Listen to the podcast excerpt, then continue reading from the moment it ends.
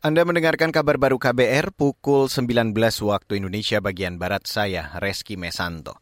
Saudara Presiden Joko Widodo meluncurkan platform virtual Jagat Nusantara di Jakarta Teater sore tadi. Jagat Nusantara merupakan platform virtual pertama di Indonesia yang terhubung dengan kota nyata Ibu Kota Nusantara atau IKN. Dengan platform itu, masyarakat bisa masuk dan berinteraksi dengan pengguna lain di IKN secara digital. Dilansir dari antara, Jokowi tidak menyampaikan sambutan dalam peluncuran itu. Panitia hanya memutar video Jagat Nusantara dengan avatar Jokowi. Dalam video tersebut, Jokowi mengajak para pengguna masuk ke dunia virtual IKN. Jokowi mengatakan para pengguna bisa bertemu orang-orang hebat, mengenalkan produknya, dan menggelar konser musik melalui platform Jagat Nusantara. Jagat Nusantara dikelola tim yang dipimpin ex-Menteri Pariwisata dan Ekonomi Kreatif Wisnu Tama. Jagat Nusantara akan dikembangkan secara bertahap dengan menganalisis perilaku pengguna. Beralih ke berita selanjutnya, Saudara. Komisi Kepolisian Nasional atau Kompolnas menilai ada tantangan berlapis dalam upaya mereformasi Polri. Komisioner Kompolnas Pungkin Darti mengatakan, tantangan itu salah satunya terkait dengan masalah kultural atau budaya.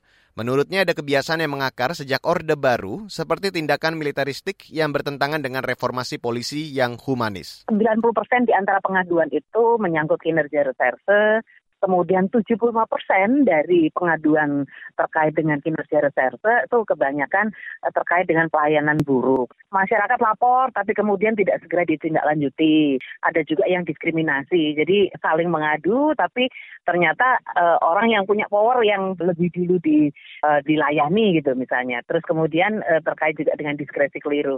Itu yang dilaporkan ke kami. Jadi itu juga harus ada pembenahan. Komisioner Kompolnas Pukin Darti menambahkan reformasi Polri harus diawasi semua pihak, mulai dari Presiden, DPR, media massa hingga masyarakat. Pengawasan di internal kepolisian juga harus ditegakkan. Saudara kepercayaan publik ke Polri anjlok usai dihantam sederet masalah, salah satunya kasus Verdi Sambo.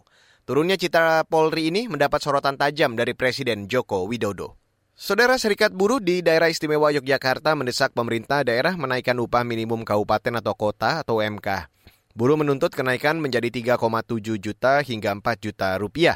Saat ini UMK di kota Yogyakarta sekira 2,1 juta rupiah. Berikut pernyataan Gubernur DIY Sri Sultan Hamengkubuwono X merespon tuntutan tersebut. Saya kira saya belum bisa menjawab ya, karena harapan saya nanti di bulan November ini diputus. Bagaimana nanti kepastian dari pemerintah pusat karena yang menentukan menentukan pola perhitungannya dari pemerintah pusat. Sultan berharap pola perhitungan yang dilakukan pemerintah pusat bisa dilakukan sesegera mungkin. Tujuannya agar Pemda DIY dapat segera melakukan penghitungan dan segera bisa memutuskan besaran UMK di sana. Dan saudara, demikian kabar baru saya Reski Mesanto.